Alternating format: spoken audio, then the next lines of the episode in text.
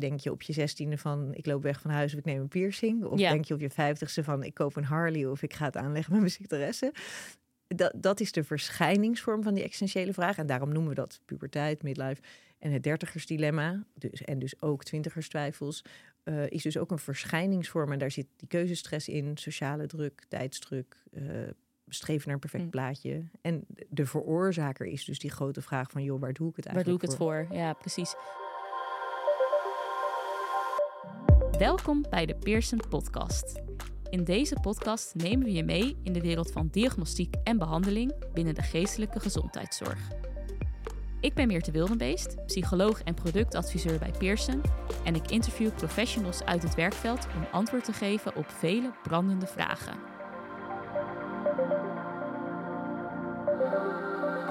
Voordat we verder gaan, nog even dit. De toenemende prestatiedruk, het gevoel van alles te moeten en de hoeveelheid aan keuzes in de huidige maatschappij kunnen uiteindelijk zorgen voor stress, angst en depressieve klachten. Met de BEX vragenlijsten houd je vinger aan de pols bij jouw cliënten. De meest bekende lijst is de BEC Depression Inventory, die vanaf 13 jaar tot in volwassen leeftijd in is te zetten. Speciaal voor jongeren is er de BII, de BEC Youth Inventories, die al vanaf 7 jaar ingezet kan worden. Wil je puur alleen angstklachten in kaart brengen, dan is de BEC Anxiety Inventory, oftewel de BAI, geschikt. Bekijk alle BEC's vragenlijsten op www.pearsonclinical.nl/podcast. Welkom bij deze aflevering van de Pearson Podcast. Ehm, we hebben vandaag weer een interessante vraag die we gaan eh, proberen te beantwoorden. Namelijk, wat is het dertigersdilemma? En tegenover mij zit een eh, echte expert op dat gebied. Dat is namelijk Nienke Wijnands. Dus welkom Nienke, leuk dat je er bent. Ja. En eh, ik dacht, misschien kan je jezelf even kort voorstellen. Ja, dat is helemaal goed. Ehm, van huis uit ben ik psycholoog en ehm, gewerkt als loopbaanadviseur.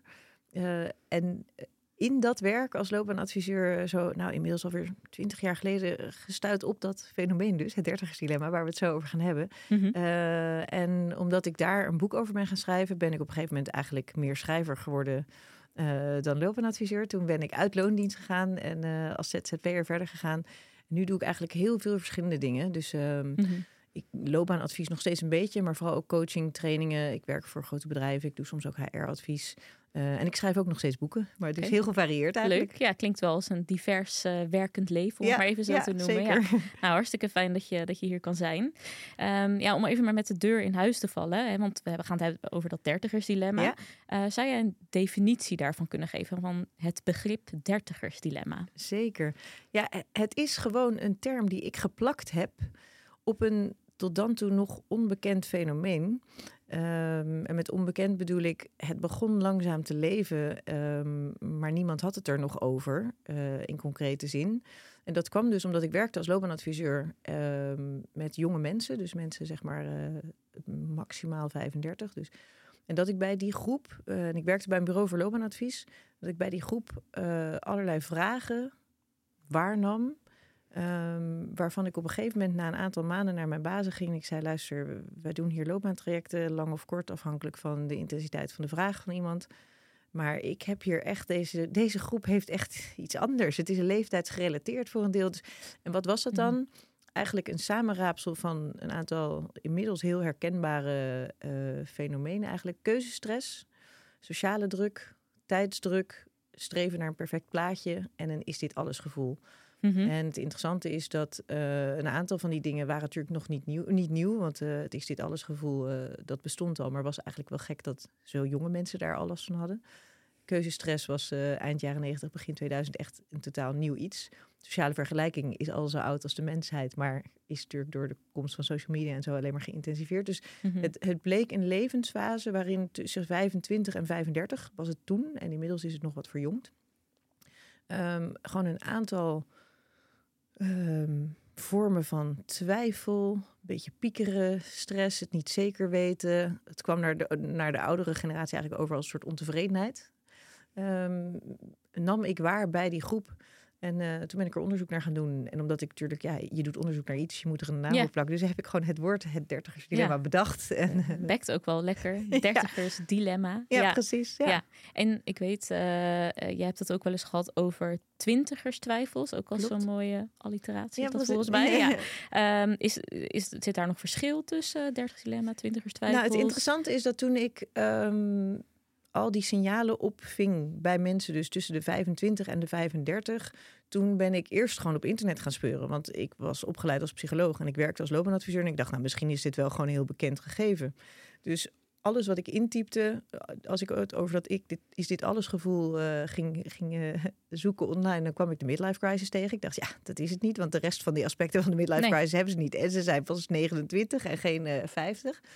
Ehm, en het enige waar ik op stuitte toen was een boek uit Amerika en dat heette The Quarterlife Crisis. En Ja. eh, daarvan zou je dus kunnen zeggen van nou dat is dan eh die jongere groep. Maar dat ging in Amerika en in Nederland bestond het eigenlijk ook over een andere levensfase weer. Namelijk de twijfel die je hebt na het afronden van je opleiding. Als je dan eigenlijk de stap naar wat ze dan in Amerika zo mooi noemden, the real world neemt. Mhm. Dat er dan aan de ene kant een soort, eh, nou, blijf maar in Engelse termen, maar Ja. expectations versus reality. Weet je, dat het allemaal eigenlijk een beetje tegenvalt, maar dat het ook zwaarder is. En, weet ik wel. en dat was ook niet wat ik onderzocht. Dus in die tijd was het echt 25 tot 35 en met een duidelijke piek van die problematiek rond de 30. Ehm, ik heb het de dertigersdilemma genoemd. En enerzijds bedoelde ik dus eigenlijk altijd al twintigers. Want ik had het over de groep tussen de 25 en de 35. Mhm. Ehm, en anderzijds is het zo dat eh, die term twintigerstwijfels heb ik een jaar of vier, vijf geleden eh, geïntroduceerd en erbij genomen. Omdat wat je zag, dat was door de versnelling van de maatschappij, de nog verdere toename van keuzemogelijkheden en ook de intensivering van social media, het fenomeen alleen maar verjongd is. En dat je inmiddels ziet dat Mhm. mensen, zeg maar eind middelbare schooltijd, eigenlijk al last hebben van aspecten wat ik vroeger bij die dertigers waarnam. Dat zie je nu dus al bij mensen Zo rond jong 18, al. 19, 20. Oh, Dus nu, eh, dus in mijn, mijn, eh, mijn bestseller uit eh, zeg maar eh, 2008, die het dertigersdilemma heette, die heb ik in 2019 helemaal herzien. Want ten eerste was het gewoon een oud boek geworden, stonden dingen in die niet meer waar waren. Maar ten tweede waren er ook een aantal dingen echt veranderd. Die sociale druk was enorm veranderd door de komst van social media. mhm. Maar de leeftijd was ook echt verschoven naar. Dus de piek is eigenlijk platter. Het, is, het, is, eh, het begint nu al jonger. Dus vanaf 1920 krijg je er al een beetje last van. En het duurt nog steeds zo ongeveer tot vijf, maar soms wel tot, Ja. negen, tot 39. En is dat nou eh, een slechte ontwikkeling? Ik ben geneigd om te denken van wel, maar ja, misschien, misschien zit er ook wel iets positiefs in dat mensen al op jongere leeftijd over dit soort dingen gaan nadenken. Wat, wat is jouw ervaring daarin? Ja, het interessante was dat toen ik dat eerste onderzoek ging doen, was dat puur vanuit eh, zeg maar mijn opleiding ook, weet je, dat je denkt toegepaste sociale psychologie. Ik neem iets waar en ik wil het beste loopbaanprogramma maken voor deze doelgroep. Dus ik ga onderzoeken wat is het? Is het er überhaupt? Bestaat het wel? Ehm, en wat is het dan? En waar hebben ze dan last van? En welke mensen dan meer of minder? Welke demografische factoren liggen er aan ten grondslag? Hoe Mhm. kan ik ze helpen? Ehm, maar omdat het dus blijkbaar destijds niemand nog iets over verteld had, maar heel veel mensen eh, van rond de 30 ermee worstelden, ging dat onderwerp helemaal met mij aan de haal. Want iedereen zei: Ja, dat heb ik ook, daar heb ik last enzovoort. Ehm, dus dat was leuk, maar daardoor heeft dat onderzoek eh, heb ik helemaal uitgesmeerd, want ik wilde veel meer weten en zo. En uiteindelijk was ik met de eerste resultatenronde helemaal niet tevreden, want ik had een schets gemaakt eigenlijk van wat is het. En ik kon ook benoemen, nou, wie hebben er meer last van? Ja. Ehm, maar waar het vandaan kwam, dat wist ik nog steeds niet. En om een hele grote sprong te maken, toen heb ik nog een tweede onderzoeksronde eigenlijk eh, gedaan. En toen had mijn eh, professor die mij begeleidde op de UvA, die had nog allerlei veel ingewikkeldere statistische programma's. Mhm. En toen kwam eruit dat dat is dit alles gevoel, dat moest je eigenlijk beschrijven als zingevingsvraagstukken en nog wat abstracter eigenlijk als de grote existentiële vraag: waar dient het eigenlijk allemaal Ja, toe? Waarom ben ik hier? En het interessante was dat dat aspect geen onderdeel bleek te zijn van het dertigersdilemma, maar achteraf heel logisch ehm, de veroorzaker ervan. En wat bedoel ik daar ook mee? Er was een soort hiërarchie eigenlijk aan te brengen in die twijfels. Dat als ik van jou persoonlijk jouw score op de is dit alles schaal wist, Mhm. Ehm, dan kon ik ook met een gereden mate van betrouwbaarheid voorspellen hoeveel last jij gemiddeld op al die andere aspecten van het dertigersdilemma zou hebben. Het was van voorspellende waarde en dat is achteraf natuurlijk ook heel logisch, enorm Ja. open deur. Zeker. Als jij op het hoogste niveau geen idee hebt wie ben ik, waar doe ik het allemaal voor, dan is het natuurlijk ook verdraaid lastig om een loopbaankeuze te maken of weerstand te bieden aan sociale druk enzovoort. Absoluut. Dus wat kwam eruit? Het is een fase van existentiële crisis eigenlijk. Eh, zo mild als die eventueel ook wel kan zijn hoor. Dus eh, crisis is dan een heftig woord, maar in de fase van existentiële twijfel. En wat was daar nou zo interessant aan? In de psychologie hadden we eigenlijk altijd gezien als je eh, niet het dertigersdilemma, maar eh, existentiële twijfel langs de i als zet en je zet leeftijd 0 tot 100, laten we even heel positief zijn en denken dat we 100 worden, Mhm. dan zag je van oudsher in de psychologie al pieken, leeftijdsgerelateerd, eh, op het gebied van existentiële twijfel. Sommige vroegwijzen die hadden rond hun puberteit, weet je, dan hoor je Vroegwijzen noem je die? Ja, ja, weet je, die daar al vroeg bij Ja. zijn met grote. Wat, wat, zeggen ze dan? eh, mijn ouders zijn sukkels, ik neem een piercing, ik ga op een hele andere politieke partij stemmen, ik noem maar wat. Mm. Maar wat is dat eigenlijk? Een verschijningsvorm van die grote vraag van wie ben ik eigenlijk, waar dient het allemaal toe, hoe wil ik leven? En wat zag je dan tot en met de generatie van de boomers eigenlijk? Dat vanaf dat moment stapten in de meeste westerse maatschappijen mensen in dat treintje wat vanzelfsprekend langs de stationnetjes van opleiding, huisje, boompje, beestje enzovoort loopt. Kregen mensen zo rond de 25 eh, hun eerste kinderen. De man werd kostwinner, de vrouw bleef thuis. Mhm. En wat zag je dan? Dat er gewoon puur door de drukte van het leven op dat moment... die existentiële vraag nooit meer boven kwam. Totdat, tada, wat gebeurde er dan? Rond de 50 gingen de kinderen de deur uit. Dan dacht de man opeens... Oh my goodness, ik heb de beste jaren van mijn leven Ja. weggegooid. Ik ben altijd maar kostwinner geweest. Ik heb nooit voor mezelf Wat nu? enzovoort. Ja, Midlife crisis. ja, precies. En bij de vrouw van 50 was het... Mijn hemel, wie ben ik nu nog? Nu de kinderen de deur uit zijn. Mijn identiteit wa- was moeder zijn. Wie ben ik nu nog? Hoe wil ik leven? Waar... Ik heb nooit keuzes voor mezelf gemaakt. Empty nest syndroom.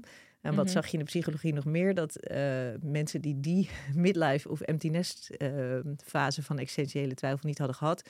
die kregen bijvoorbeeld eh, rond hun 65ste, als hun baan ophield ook een soort van identiteitscrisis. Van, eh, nou ja, nu ik mijn werk niet meer heb, wie ben ik dan nog? Dus Ja. ook weer een piekje op die eh, existentiële vragen.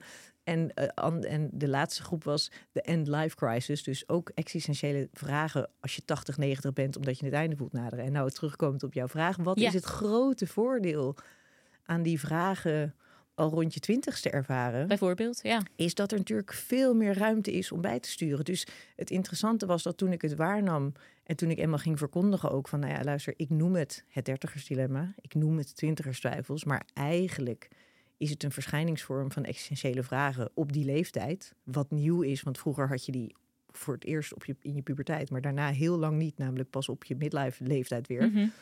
Dat vonden mensen eerst in eerste instantie ontzettend spannend en doodeng. Van oh mijn god, het zijn dus heel grote vragen. Zeker. Maar wat is het grote voordeel ervan als je mij durft te geloven dat het eigenlijk existentiële vragen zijn? Dat je op je twintigste natuurlijk nog veel meer ruimte hebt om echt na te denken erover en bij te sturen. Dan wanneer het op je vijftigste Ja. pas voor het eerst op je bordje komt. dan is dat je, je dan je, denkt. ja, je leven "Oh, misschien mijn- al wat mijn meer. werkende leven ja. is al voorbij. De beste Ja. jaren liggen al achter me. Dus het is eigenlijk een onwijs groot voordeel. Hoe eerder je die existentiële vraag voelt, hoe beter het is. Ja, dus eigenlijk is het niet per se een slecht ding of zo om dat, Nee, eh, om dat te en- hebben. En, en ja. tegelijkertijd was het antwoord op jouw vragen wel tweeledig. Want wat zag ik vanaf zeg maar een jaar of tien geleden? Niet alleen is het fenomeen verjongd, maar het fenomeen is ook nog geïntensiveerd. En wat bedoel ik daarmee? Dat de leeftijd is inderdaad nog verder naar beneden gegaan. Maar de sociale druk is verder toegenomen. Die ook al, zeg maar, twintig jaar geleden ook al een component was van het dertigersdilemma. Maar eh, door social media natuurlijk enorm geïntensiveerd Mhm. de prestatiemaatschappij is eigenlijk alleen nog maar hè, toegenomen in hoeverre we daar nadruk op leggen. Dus het was niet alleen dat de mensen jonger waren, maar de scores zijn ook wat extremer. Dus de druk die ervaren wordt op die leeftijd is ook heftiger nog weer dan twintig jaar geleden. En dat is wel een nadeel, vind ik. Want Ja. als ik mijn werk goed zou doen, ik ben dus een soort missionaris dat iedereen moet weten van het is een existentiële eh, vraag en ga ermee aan de slag. Maar ook vooral bied weerstand tegen sociale druk, bied weerstand tegen die tijdsdruk, maak keuzes, hak knopen door enzovoort. Ehm, als ik dat goed zou doen, of als anderen met mij dat goed zouden doen, dan zou natuurlijk die intensiteit uiteindelijk moeten afnemen. Want het, is niet zo, het is een fase eh, dat als je die vragen herkent Mhm. voor de grote vragen die ze zijn, kun je het heel constructief oplossen en heb je daar voor de rest van je leven profijt van. Maar Ja. als de. Ik, ik kan natuurlijk ook niet in mijn eentje de wereld veranderen. Want het feit dat die vragen het geïntensiveerd. zo, Ja. Het feit dat ze geïntensiveerd zijn, komt dus ook door allerlei maatschappelijke ontwikkelingen. Maar die vind ik wel op zich vrij zorgelijk. Ja. Ja, ja nee, dat kan ik, me, kan ik me inderdaad goed voorstellen. Hey, en eh, je had het over, hè, van dus eigenlijk is dat dertigers dilemma, twintigers, twijf, twintigers twijfels. Het is een fenomeen wat zich eigenlijk, wat altijd al er was. Alleen het is gewoon verschoven, eh, gezien de maatschappij ook is veranderd. Dat is misschien... Ehm, nou ja, het, het interessante is dat ehm, wat ik het dertigersdilemma noemde, blijkt dus een verschijningsvorm te zijn van existentiële vragen. Ja. Alleen ehm, het interessante is dat de leeftijd waarop je die vragen ervaart, maakt dat de verschijningsvorm heel anders is. Want wat er nieuw is bijvoorbeeld aan dat gevoel van 20 twijfels, 30 dilemma's, is bijvoorbeeld die keuzestress. Het interessante is dat nu is het inmiddels een bekend woord. Maar tot eind jaren negentig was uit eh, onderzoek altijd gebleken dat het aantrekkelijker was om een keuze te hebben dan voor een voldongen feit gesteld te worden. Dat was Mhm. de enige uitkomst. Ja, waarom? Omdat tot eind jaren negentig van de vorige eeuw er nooit rekening mee was gehouden dat dat misschien wel eens een, een maximum aan Ja. het aantal opties is waarbij dat nog waar is. En eh, inmiddels is het slecht voor te stellen. Maar tot eind jaren negentig van de vorige eeuw was het woord keuzestress dus ook iets wat onbekend was. Dat, dat, Dus dat misschien bestond het woord niet. Nee, bestond niet. Nee. Eh, puur omdat de wereld er niet zo uitzag. We hadden drie televisiezenders. Je had op het strand eh, twee, drie, vier, vijf soorten eh, smaakjes ijsjes. Mhm. En, en dat, daar hield het dan bij op. Dus keuzestress was niet een, een issue, was gewoon geen onderwerp. Dus het interessante is dat ehm, de grote onderliggende vraag is dezelfde. Die is, die, die is er altijd geweest. Namelijk, waarom ben ik hier Mhm. eigenlijk? Hoe wil ik leven? Wat voor keuzes wil ik maken? Maar de verschijningsvorm, dus denk je op je zestiende van... ik loop weg van huis of ik neem een piercing. Of Ja. denk je op je vijftigste van ik koop een Harley... of ik ga het aanleggen met mijn secretaresse. Dat, dat is de verschijningsvorm van die existentiële vraag. En daarom noemen we dat puberteit, midlife. En het dertigersdilemma, dus, en dus ook twintigerstwijfels... eh is dus ook een verschijningsvorm. En daar zit die keuzestress in, sociale druk, tijdsdruk... eh, streven naar een perfect Mm. plaatje. En de veroorzaker is dus die grote vraag van... joh, waar doe ik het Waar doe ik eigenlijk het voor? Ja, precies. En ik, ik vraag me ook af van het dertigers dilemma. Is dat, staat dat ja, los van eh, de cultuur waarin je opgroeit? Of, hè, of je bijvoorbeeld, ik kan me ook voorstellen als je uit een heel kansrijk milieu komt... versus misschien een wat kansarmer milieu. Dus misschien ja, heb je, ik noem maar wat hoor, een, eh, een lagere opleiding. eh, zijn er niet veel keuzes die je kan maken? Je moet gewoon werken omdat je geld moet hebben. Ehm, ja, hebben dergelijke, ik noem maar even kansarmen, hebben die ook te maken met zo'n dertigersdilemma? En ook bijvoorbeeld verschillende culturen, wat jij ook noemde van hier in het Westen is het best wel ja, individualistisch. Hè? Je hebt heel veel keuzes. Ehm, is dat bijvoorbeeld bij een land waar je meer collectivistische samenleving hebt, in Japan of zo, noem maar wat, speelt dat daar ook? Dus met andere woorden, is het dertigersdilemma voor alle dertigers ter wereld? Nee, het, het interessante is dat toen ik eh, begon met me af te vragen van wat is dit nou en is er iets, werkte ik bij een bureau voor loopbaanadvies, maar het was een bureau voor hoger opgeleid. Dus wij, wij eh, ik wou zeggen behandelden, maar wij hadden HBO-plussers eigenlijk Mhm. in loopbaanadvies heel vaak. Ehm, en het interessante was juist ook wel dat eens in zoveel tijd deden we een klus voor een groot bedrijf en dan was er een verdwaalde MBO'er zat erbij. En dan kreeg ik de eerste dag die, die MBO'er aan tafel. En die was er. eh, we deden heel vaak ook outplacement trajecten. Dus mensen begeleiden naar iets nieuws als hun baan was opgehouden. En dan zei die MBO'er tegen mij van ja, nou ja, eerst Turk snif snif en en met een zakdoekje, want ik ben ontslagen. Maar als dan het loopbaantraject eh, aanving, dan zeiden ze van nou ja, ik werkte bij een superleuk bedrijf en het was internationaal. Ik kon op de fiets naar mijn werk. Ehm, dus wat ik eigenlijk zoek is, eh, ja, ik was daar office manager, dus iets van office manager of iets secretarieels. Ehm, en inderdaad, liefst dan weer in Rotterdam, zodat ik op de fiets naar mijn werk kan. Eh, en, dan, en dan kreeg je een heel handzaam lijstje met, met, met gewoon randvoorwaarden waar iemand uit wilde kiezen. Mhm. En dan werd het een heel concreet loopbaantraject. Nou, dan kwam de volgende dag de, de HBO'er of erger nog de WO'er aan tafel. Ja, ik was brandmanager Huppeldepup. En ja, ik zat al een tijdje denken, dit ontslag komt eigenlijk op een heel goed moment. Want mijn vriendin wil eigenlijk al heel lang een B&B gaan openen in Italië. En een vriend van mij, die bouwt nu huizen voor Habitat for Humanity. En zelf zat ik... Mhm. Nou, dan kwam er zo'n verhaal. En dan dacht ik... Dus het interessante is wat jij zei. Ik heb me destijds eh, afgevraagd, wat is dat nou?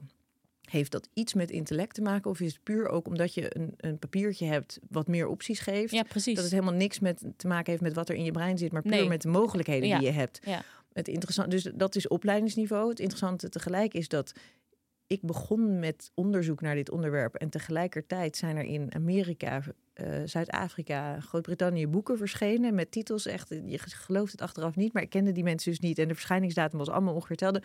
Midlife Crisis at 30 kwam uit uh, Amerika.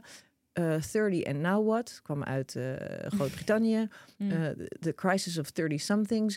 Dus het interessante was dat in westerse landen over de hele wereld, dus Europa, maar ook Australië, weet je, Ja, ja, ja. alle westerse maatschappijen was dit een ding wat dus vanaf eind jaren 90, begin 2000 eh, begon te spelen. Dus, en, en dan kun je dus zeggen, opleidingsniveau heeft op zijn minst voor een deel invloed. Want hoe hoger opgeleid, hoe meer last je ervan hebt. Want Ehm, je hebt meer opties. want er zijn gewoon Ja. meer opties. Ehm, het is een westers fenomeen, want je moet op een bepaalde manier... En, en dat is ook altijd de bron geweest van, het verwend, van de verwend of niet discussie. Dat mensen zeiden van het is zo verwend, aange- aangestel, aanstellerij van de, van de verwende happy few.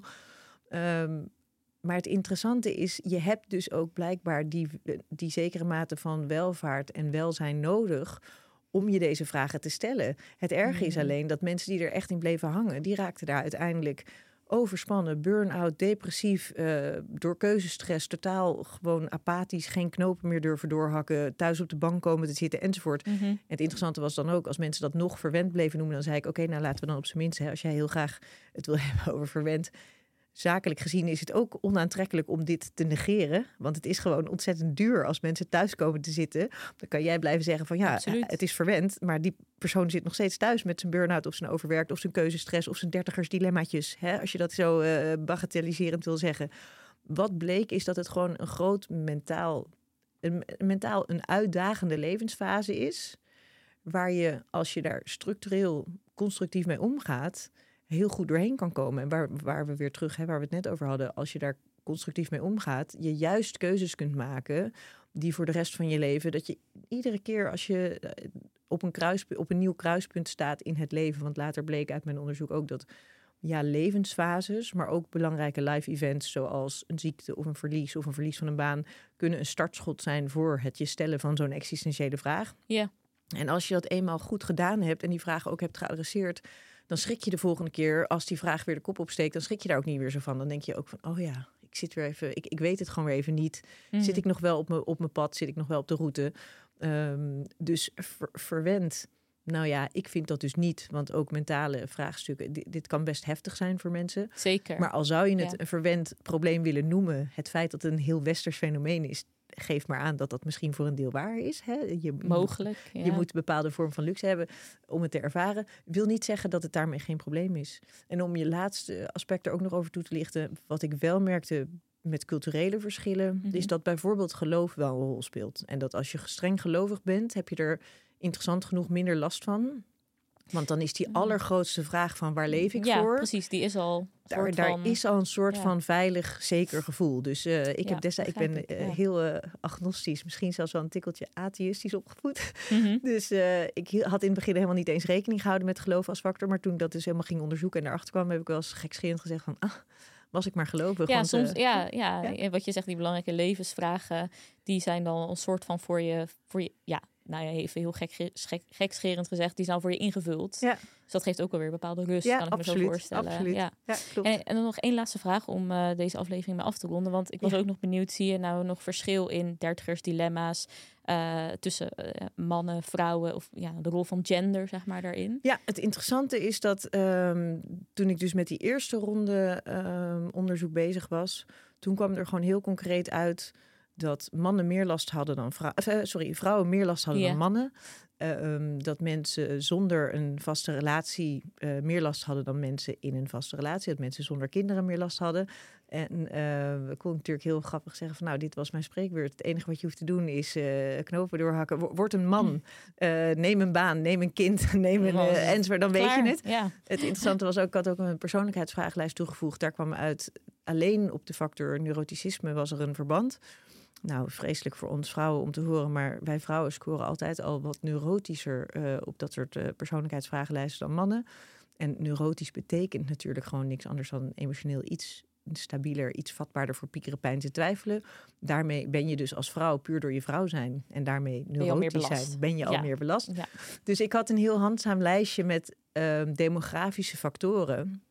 Maar het interessante is, je kan natuurlijk niet zeggen van, nou ja, word een man en word niet neurotisch en, en uh, neem dat kind enzovoort. Want het interessante was dat achteraf bleek ehm, dat met name al die zaken zoals single zijn, uh, geen kinderen hebben enzovoort, dat dat um, puur en alleen betekende dat, nou ja, goed, dat voert dan nu, nu misschien te ver. Hm. Um, toen ik de gemiddelde score op dertigersdilemma's af ging zetten tegen leeftijd, en ik had alleen maar mensen van tussen de 25 en de 35 onderzocht, ontstond er een perfecte kromme van normaalverdeling. Met de piek precies bij de 30. Nou. En ik dacht, nou ja, maar dat kan niet, want het is niet een fysiologisch fenomeen. Nee. Dus het kan niet aan leeftijd liggen. Hoe komt dit? En wat bleek toen op dat moment, en dat maakt ook heel interessant dat ik denk dat die piek inmiddels niet meer precies op die 30 ligt dat op dat moment, en we spreken dus over 2003, 2004, het in Nederland gewoon zo was dat de meeste mensen, of dat nou de, goeie, de juiste keuze was of niet, rond de leeftijd van 30 knopen gingen doorhakken van hmm. een baan, een relatie, een kind enzovoort. En puur door het doorhakken van die knoop namen dus die gevoelens van dertigersdilemma's af. Want je moet je voorstellen, vanaf de 25, op je 25ste zijn die thema's ook nog niet zo groot, zo dwingend, zo, zo stressvol. Ja. Dus je hebt een beetje last. Hoe meer je die 30 nadert, hoe erger het wordt. Oh my god, nog geen vaste baan, nog geen partner, nog geen huis, nog geen kind enzovoort. Mm. De, de sociale druk neemt toe, de, de normatieve druk neemt toe, de tijdsdruk neemt toe enzovoort. Dus dat gevoel van dertigersdilemma's wordt erger, erger, erger. Wat gebeurt er dan op die magische leeftijd van 30? Niets meer of minder dan dat er dus knopen worden doorgehakt op basis van de juiste motivatie of niet. Daarmee neemt dus dat gevoel van dertigersdilemma's af. En alleen wat ik dus sindsdien zei, als je dus de vraag die daaronder ligt, namelijk waar leef ik eigenlijk voor, waar doe ik het voor, niet adresseert, dan neemt dat gevoel van dertigersdilemma's af door de knopen die je doorhakt. Mhm. Dan kom je daarna in het treintje te zitten van je hebt een baan, je hebt een kind, je hebt een druk. En dan kom je dus waar de, waar de boomers zaten. Op je vijftigste krijg je weer een knoepert. Van een, hoe dan ook. Uiteindelijk als je die vraag niet adresseert, zeg maar. Krijg je weer je hem altijd. Ja, precies. Ja. Nou, lijkt me mooi om mee af te ronden. Uh, heel erg bedankt, Nienke. De tijd zit er alweer op. Dus uh, dank je wel voor al deze inzichten. Vond je dit een interessante podcast? Volg dan ons kanaal zodat je op de hoogte blijft van nieuwe afleveringen.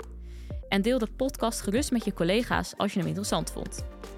Wil je een vraag insturen of jouw feedback met ons delen? Dan kan dat via pearsonclinical.nl/slash podcast. Daarnaast hebben we ook een speciale actie voor onze podcastluisteraars. En deze is te vinden op dezelfde site, dus pearsonclinical.nl/slash podcast. Tot de volgende keer.